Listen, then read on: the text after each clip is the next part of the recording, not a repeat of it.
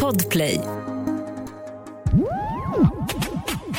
Välkommen till denna fredagsversion av The Daily Messiah, ditt nyhetsflöde. I dagens fredagsspecial TV4 stora lögn för det svenska folket. Klara Doktorov berättar om meteorologens sexskandal. Och så går John Wilander Lambrell igenom dokusåpornas mörka förflutna. Dessutom special musical guest, aktuellt från Mello, Andreas Jonsson. Välkomna!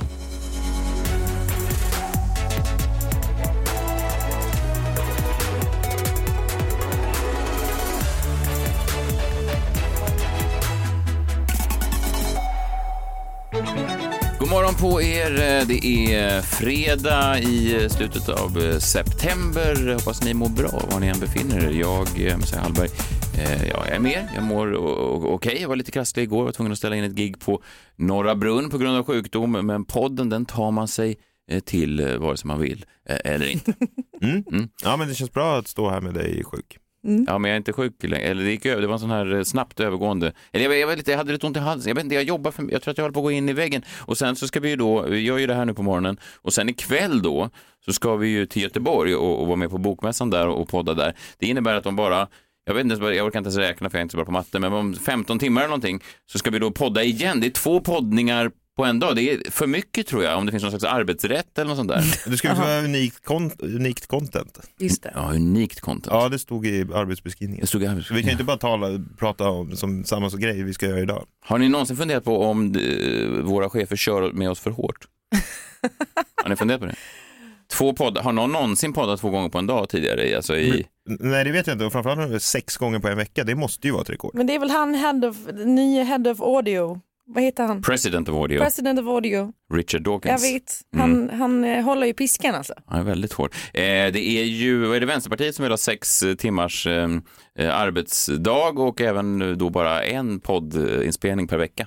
Så att det är kanske... Ja, det var det därför Klara röstade på dem. Jag har inte röstat på Vänsterpartiet, ditt jävla rövhål. Förlåt, jag Ja. har inte det. Nej, nej, men vi ska försöka även, ändå jämföra. Även om vi blickar framåt mot Göteborg så kommer vi eh, idag ha Tassos tips, kanske med Göteborgs tema. Vi kommer ha eh, läsa Ulf Lundells eh, dagbok, kanske med Göteborgs tema. Vi kommer ha Messiahs minut, kanske med Göteborgs tema. Vi kommer ha Klara prata om eh, porrbranschen, kanske med Göteborgs tema. Vi kommer ha en jombolan, den har ju ser jag, en liten sjömanshatt på sig. Så att det är ju kanon, det är Göteborgs tema. Gullig, den ja, hatten. Ja, den är jättegullig. Den brukar vara skräckenjagande, men nu är den gullig och söt. Ja. Också lite porrig. Ja, lite. Som den försvunna medlemmen i det här Village People. Den sjätte medlemmen. Som YMCA. Ja. vad, vad handlade din eh, porrgrej om? Ja, men jag, jag måste ju säga att det har varit porrskandalernas vecka det här. Eh, det började då i helgen med Katrin och Bingos eh, Pimps and Hoes-fest såklart.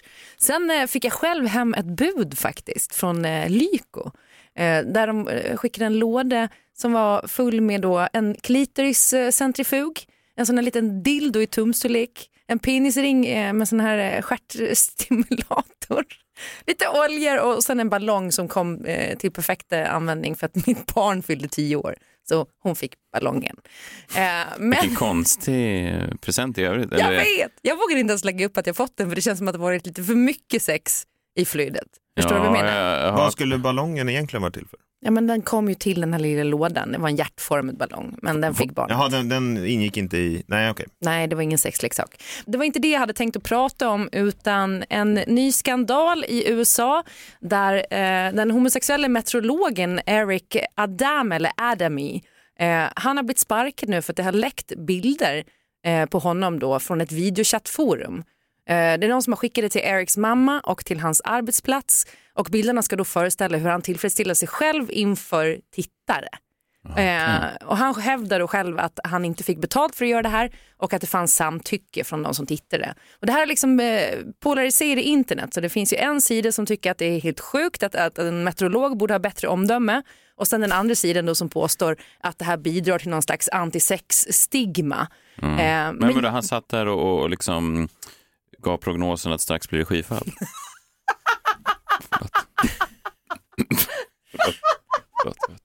Och jag hoppas verkligen det. Jag hoppas det. Nej, men jag är ju beredd att hålla med de som Mm. stöttar den här stackars meteorologen. Alltså, han har ju liksom hållit på i många år, han har blivit Emmy-nominerad två gånger, han har varit jätteuppskattad som, som profil Mm. eh, på företaget. Och vad han gör på sin fritid i sitt sexliv, jag tycker inte att det påverkar hur han sen då rapporterar kring Sirius moln. Nej, att du, menar inte att det, påverkar inte hans trovärdighet? Nej, alltså det är en sak Fast om, man hade, ja, fast om man hade sett John Pohlman på ett sånt sexforum. Ja. Men vad då hade du då inte, tro, hade du inte litat på att om han säger att det blir sol imorgon, hade du tänkt att nej det blir det inte? Fast vet har inte du- har- efter vad jag har sett. Fast har du sett, jag vet inte om man, yngre lyssnare känner till John Pohlman, han var ju då Sveriges eh, vädergubbe i, i massa år. Sve- Sveriges får ta Eric Karin. Frost är det väl nu eller vad hon heter? Ja, precis. Men, men när jag växte upp så var det då John Pohlman, en, en, en liten gubbe som såg ut som en sköldpadda. Och han var supergullig. Jag vet inte om han lever längre. Men det finns bilder på honom, inte sexbilder, men han var med i en sån här FIB Aktuellt. Vi ska, jag ska lä- lägga upp det här på vår Men han Instagram. var det? Ja, han vek inte ut sig, men han satt liksom bredvid så här lättklädda damer. Han fattade, jaha. Och efter jag såg de bilderna, eh, och jag köpte då tidningen för artiklarna såklart. Efter jag såg de bilderna på John Pohlman i den här sexuella, så kunde jag aldrig riktigt lyssna på honom när han pratade om cumulusmoln igen. För det var, eh, det tog, eh, så att jag... Men det är så kristdemokratiskt av dig. Ursäkta, men men, vill- vad då? Nej, jag- Och det här var ju också ett slutet forum. Det kan ju ha varit, har ni testat det här Dirty Roulette? Det har jag provat någon gång. Eh, Det är som chatroulette men, men det är folk som gör grejer. Ganska kul. Mhm. Men jag tänker liksom, vad är, vad är skadan i det? Det är ju inte som den här barnprogramledaren som tog kokain och åkte fast och sen blev av med sitt jobb och blev typ lite cancellerad. Det kan jag förstå att det är ett annat problem. Man vill ju inte ha en barnprogramledare som är kokainist. Nej. Men, men en meteorolog som eh, i ett slutet forum där man inte heller får läcka de här bilderna, så den användaren som har gjort det har ju begått brott mot de här eh, f- liksom policies. Otroligt. Man, kan, man kan inte ens lita på runkande män längre. Otroligt. Vem kan man nu lita på? Men vad är det de tycker är fel med För att om det läcker vanliga nudes från en iCloud-läcka till exempel, det, är ju, det hålls ju sällan mot eh, den som blivit utsatt för läckan. Ja. Så vad är skillnaden? Alltså är det att han har varit, på, alltså att han har varit i offentliga rum då? Är det att han är en man, om man får vara sån? Ja, är det omvänd eller sexism? att hon är Jag tror det kan vara att, han är, att det är för att han är homosexuell och för att man är så otroligt konservativ kring sex i USA på ett sätt som vi inte är här i Europa ännu och framförallt inte i Sverige men kommer att vara snart tror jag. Eh, med tanke på utvecklingen. Men nej, jag tycker det är så jävla tråkigt. va. Alltså låt Karn runka i diverse forum på sin fritid. Gör det bara. Han skadar inte någon. Nej. Så länge han sköter sitt jobb. Ja, Så länge inte det påverkar prognosen. nej. Du får ju stoppa upp där det solen inte skiner. Vad bryr jag mig? Tack för det, Erik.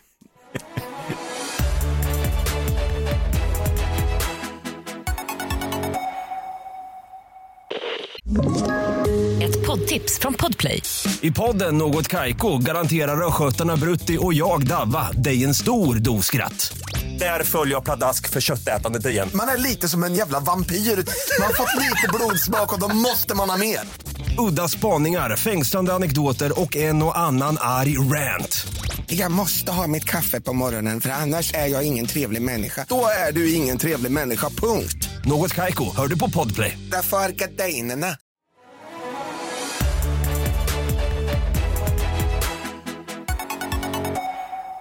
Ikväll är vi eh, som sagt i Göteborg 2030 på eh, Foyer-scenen, Bokmässan. Eh, Vi kör podd där, Eh, vi kommer prata i mikrofon. Jag vet inte alls någonting om det där, men, men någonting man kan tänka eh, på eh, det är att jag då när jag sitter där på den där scenen redan har begått detta.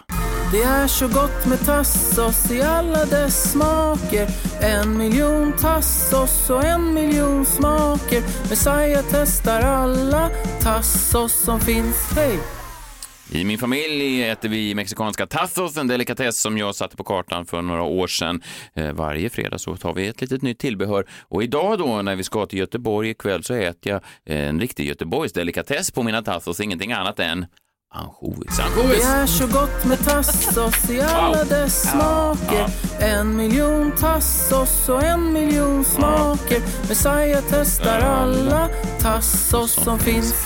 Men om du använder typ Grebbestads eh, eh, ansjovis, Mm. då börjar jag bli orolig för att den här coronan nu tappar i smaklyckan, att den där försvinner. Varför det? För det passar inte. Jo, men det gör Om man hackar upp det är som en caesarsallad, då är det ju sardeller i. Och i en eh, riktigt bra tass... Jävla skillnad. Nej, det är det Vad är, vad är ansjovis? Det, så det, är en, det är en fisk och det är det som göteborgarna använder ofta som förspel faktiskt, att de drar det längs kroppen på sin partner. Sjuka är de.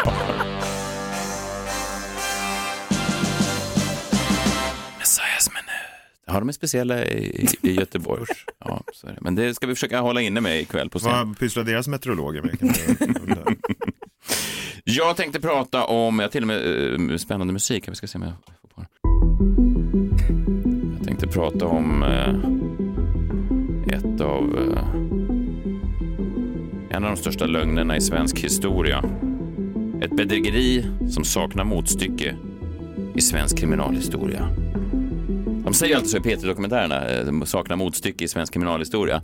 Och det här är ju då eh, saknar motstycke i svensk tv-historia. Det är TV4 som är gärningsmännen. TV4 ljuger för tittaren varje vecka. De ljuger på ett så gräsligt sätt att de borde bli av med sändningstillståndet och aldrig mer få sända TV. De borde aldrig mer få dra den stora lögnen för de svenska tittarna. Det borde vara förbjudet.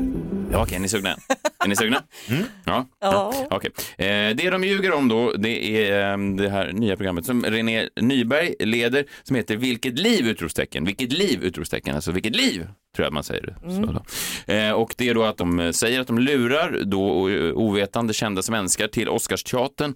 Eh, De säger eh, att de säger till de kända svenskarna att vi har eh, tagit hit de kända svenskarna eh, av en helt annan anledning. Och sen när de kända svenskarna sitter på plats så eh, utspelar sig då en slags hyllnings här i ditt liv eh, ensemble som utspelar sig på Oscarsteaterns scen. Alltså att den här personen då eh, får gå ifrån publiken upp på scen och säga va? Det här hade jag aldrig trott att alla de här har samlats bara för att hylla mig. Mm. Det är premissen, det är så de säljer in det. Och de här första programmen tänkte jag, ja, eh, så kanske det är. Det kanske är en, eh, en överraskning. Men förra veckan, förra söndagen, eh, då var det komikern Robert Gustafsson. Och han då satt i publiken. Och Vi, vi kan lyssna lite. De har ju väldigt så här att det ska vara en mystisk början. Lite så som jag gjorde här, att det ska vara så här, åh gud, eh, nästan agenttema på den här stora överraskningen. Robert är på gång. René på plats. Robert hatar överraskningar. Det här ska bli så roligt. Okej, Bjarne, är du klar? Är du redo? Härligt, då kör vi. Välkomna till Vilket liv.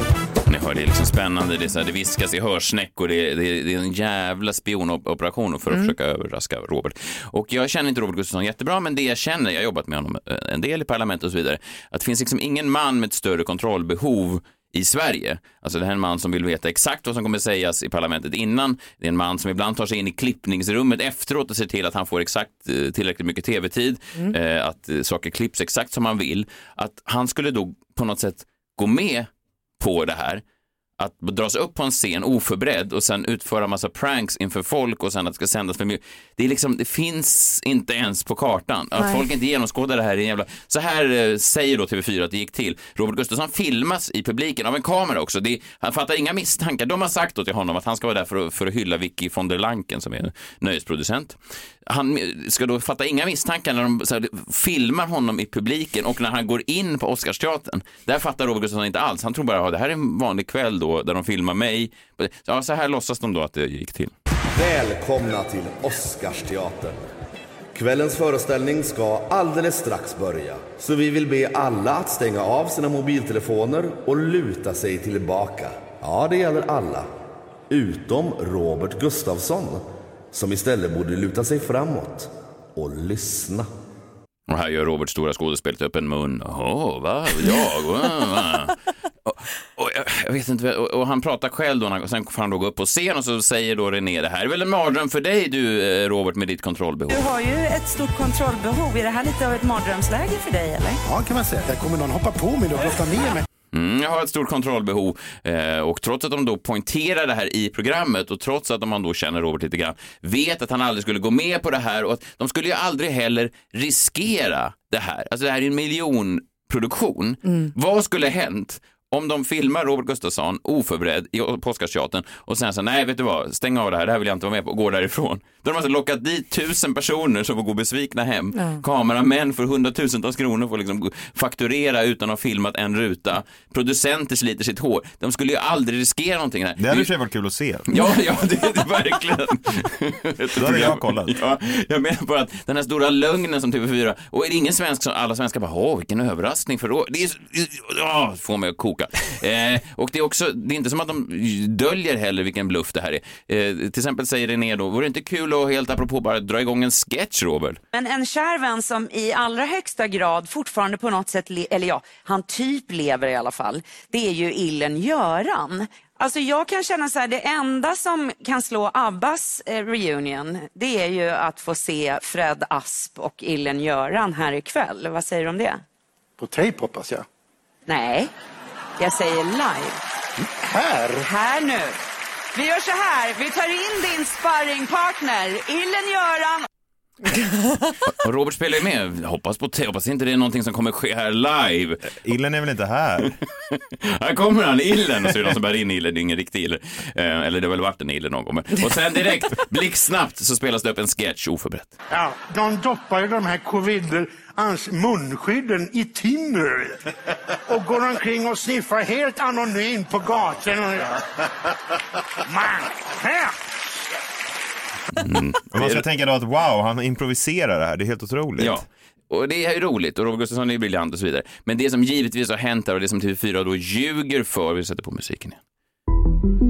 TV4 då väljer att inte berätta är att de har givetvis ringt Robert och meddelat att någon sån här produktion är på gång och de har sagt att uh, spela överraskad och du kommer inte få veta allting som sker här ikväll. Vi kommer kanske inte berätta för dig alla gäster vi bjuder in och så vidare, men, men var förberedd. Bland annat så kommer vi be dig att göra en snabb sketch med Illen Göran. Det vore ju pinsamt om du inte kom på någonting och det blev tråkigt och du så att säga bombade ut dig inför tusen pers på Oscarsteatern. Så försök att skriva lite material på det och se till att se glad ut och vara förberedd och tänk på att det kan dyka upp egentligen vem som helst som du någon gång har träffat under ditt liv. Det borde de ju ha sagt. Det är ju givetvis så det har gått till, men istället så fortsätter TV4 pumpa ut den här stora lögnen för det svenska folket och det här gör mig förbannad. På söndag eh, såg jag då är det Susanne Reuter som blir helt överraskad. De ser mig inte, men jag gör citationstecken. Det är helt överraskad på Oscarsteatern, så eh, check it out. René Nyberg är också eh, kan.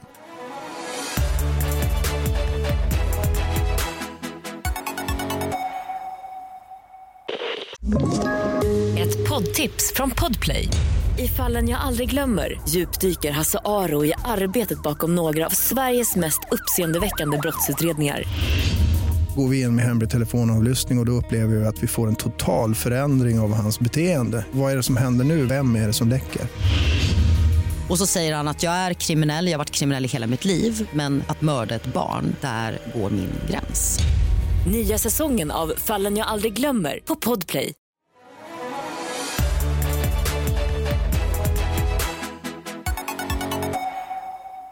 På tal om tv-program som är konstruerade, tror jag, är det det det handlar om i Jombolan idag? Nej, det vet vi inte, det får jag ju dra för. Ja, vad dum jag är, förlåt jag blandade ihop.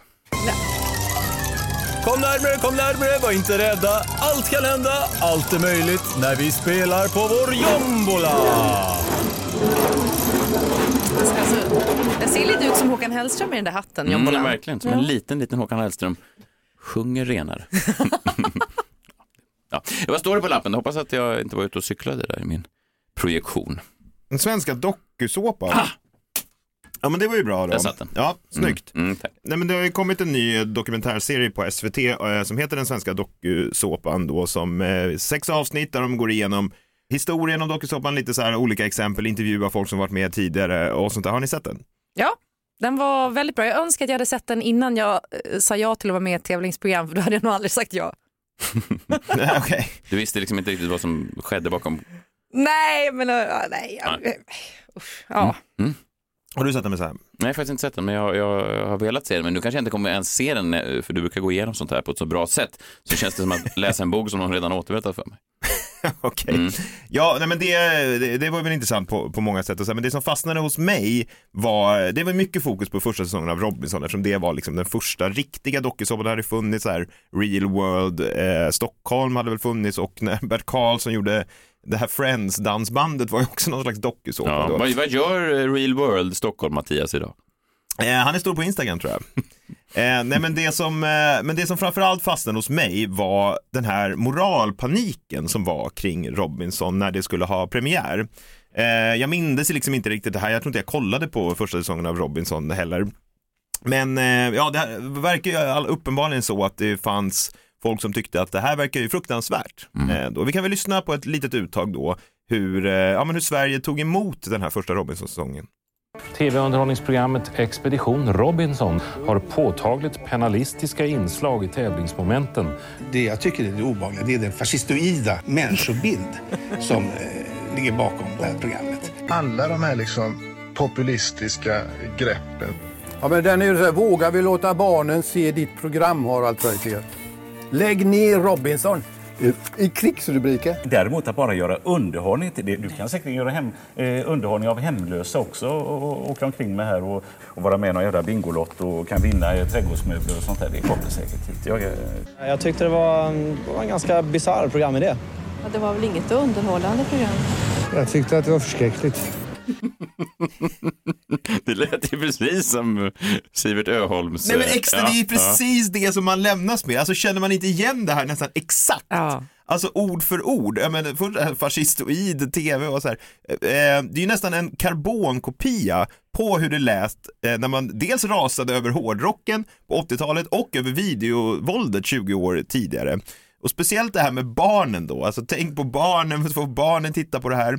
Och då tänker jag, vi kan väl lyssna på hur SVTs Studio S program om videovåldet lät 20 år innan den här moralpaniken över Robinson.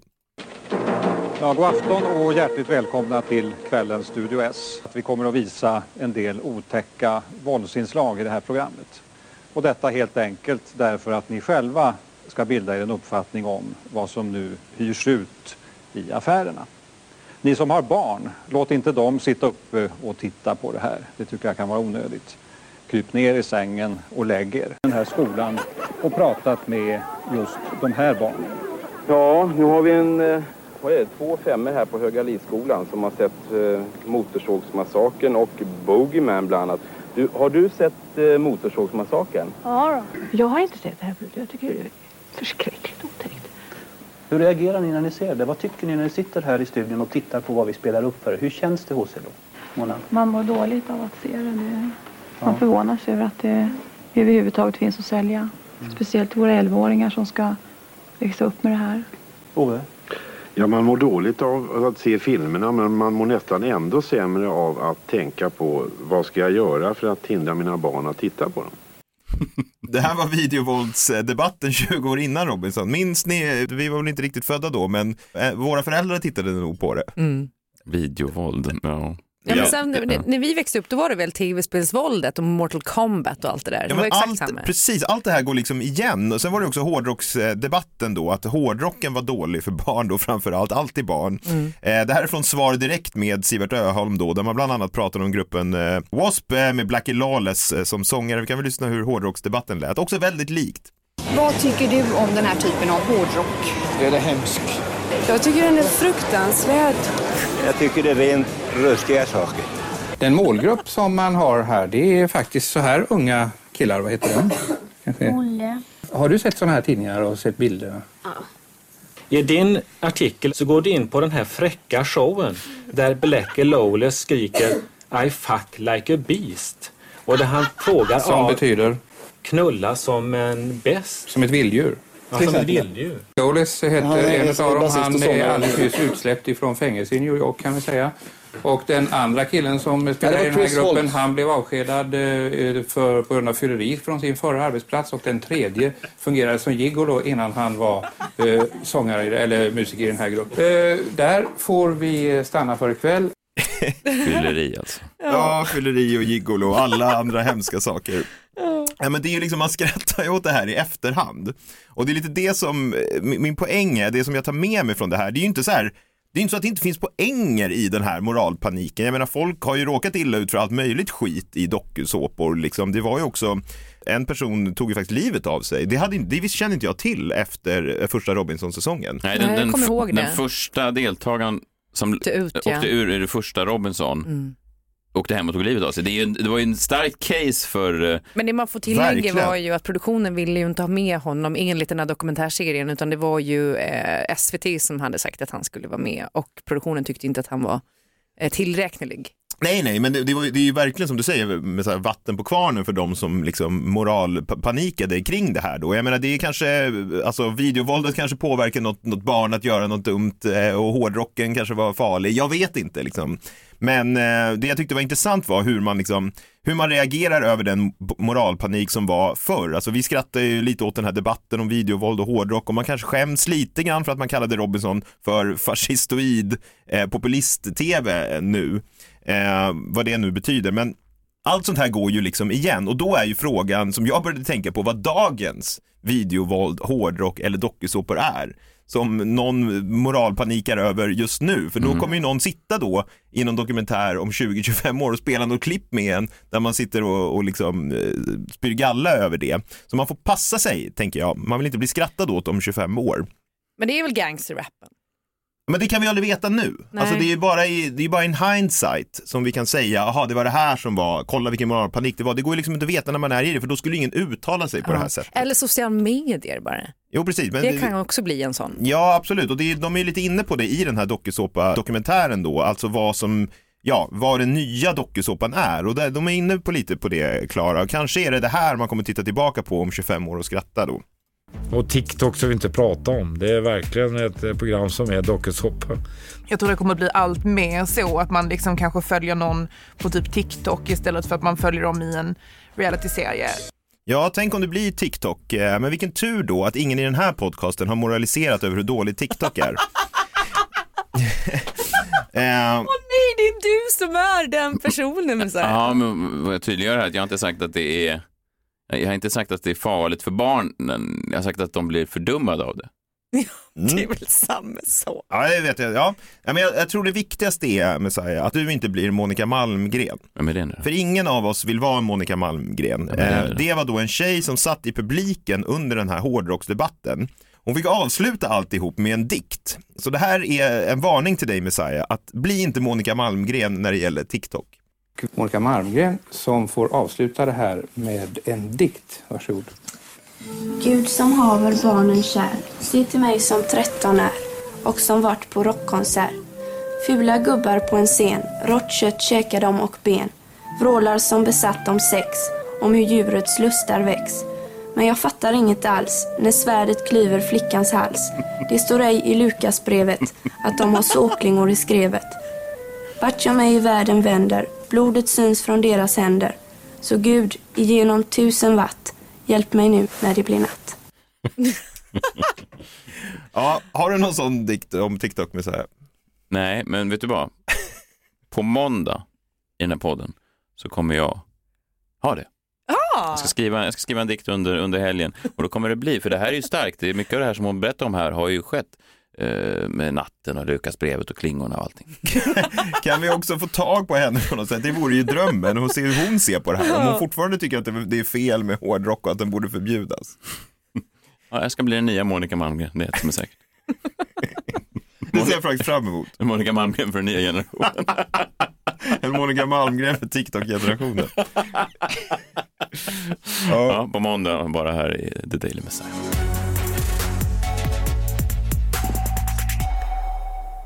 Ja, men se oss ikväll eh, i, i Göteborg, Bokmässan. Om en vecka så har min eh, turné eh, Messiah Hallberg live premiär. Jag är i Växjö på Växjö teater. Eh, sen är vi i Göteborg på Lorensbergs eh, teatern den 2 oktober och så fortsätter det över hela Sverige från Umeå i norr tror jag till Ystad antar jag är det mest södra. Biljetter finns på messiahallberg.se eller carlo.se slash Messiah Hallberg live. Biljetterna till Bokmässan verkar vara slut. Eh, vi ska, ja, lite litteraturinspirerat här, vi kan ta och läsa. Det här är faktiskt sista anteckningen ur Ulf Lundells eh, vardagar. Sen är, han liksom, sen är boken slut, så då måste han skriva nya böcker för att vi ska kunna ha det här segmentet fortgående. Men det är lite spännande ibland tycker jag att se vad han gjorde exakt för ett år sedan. Det här är då eh, Ulf Lundells vardagar. Vad gjorde Ulf egentligen för exakt eh, ett år sedan idag? 23 september 2021. Sverigedemokraternas förebildsland är Ungern. Orbans Ungern. Orban som har tagit över statlig media, ger sig på fria medier, ger sig nu också på bokförlag. Illiberal demokrati kallar han det. Det är förtryck, diktatorsfasoner. Det landet, Ungern, är Sverigedemokraternas förebildsland. Vad de än säger annat så har de väldigt tydligt uttryckt att det är så. Det är vad de ruvar på. Som Trump fortfarande ruvar på en statskupp. Jag har förståelse för att besviket folk röstar på SD.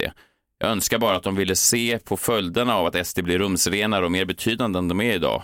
Och makt är den enda anledningen till att M, KD och nu även L övertalar sig själva om att de kan liera sig med SD i sakfrågor. Man ska aldrig glömma att Ungern är Sverigedemokraternas förebildsland, särskilt inte året 2022. Mm. Starkt. Mm, Ja, det är Det är någonting. ju precis det som är på väg att Ja, hända nu. ett år sedan får vi se vad, som händer. Men Lundell, han hade sin politiska mm, syn eh, klar redan då för exakt ett år sedan. Vad tror ni Andreas Jonsson röstar på? Det känns, vet du vad han känns som? Han känns som en kille som kanske inte ens visste att det var val. Nej. Jo, han är fullt fokuserad på att framföra den här låten som han gör varje fredag. Är det Bokmässan? Friday, Friday, gotta get down on Friday. Everybody's looking forward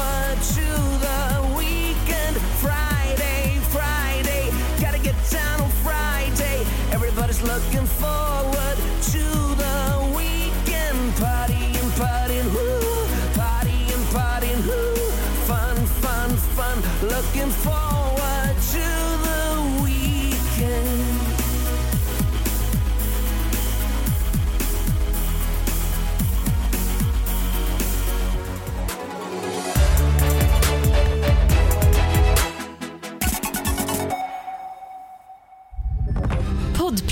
en del av Power Media. Ett poddtips från Podplay. I podden Något Kaiko garanterar östgötarna Brutti och jag, Davva, dig en stor dos skratt. Där följer jag pladask för köttätandet igen. Man är lite som en jävla vampyr. Man har fått lite blodsmak och då måste man ha mer. Udda spaningar, fängslande anekdoter och en och annan arg rant. Jag måste ha mitt kaffe på morgonen för annars är jag ingen trevlig människa. Då är du ingen trevlig människa, punkt. Något Kaiko, hör du på Podplay. Därför arkadeinerna.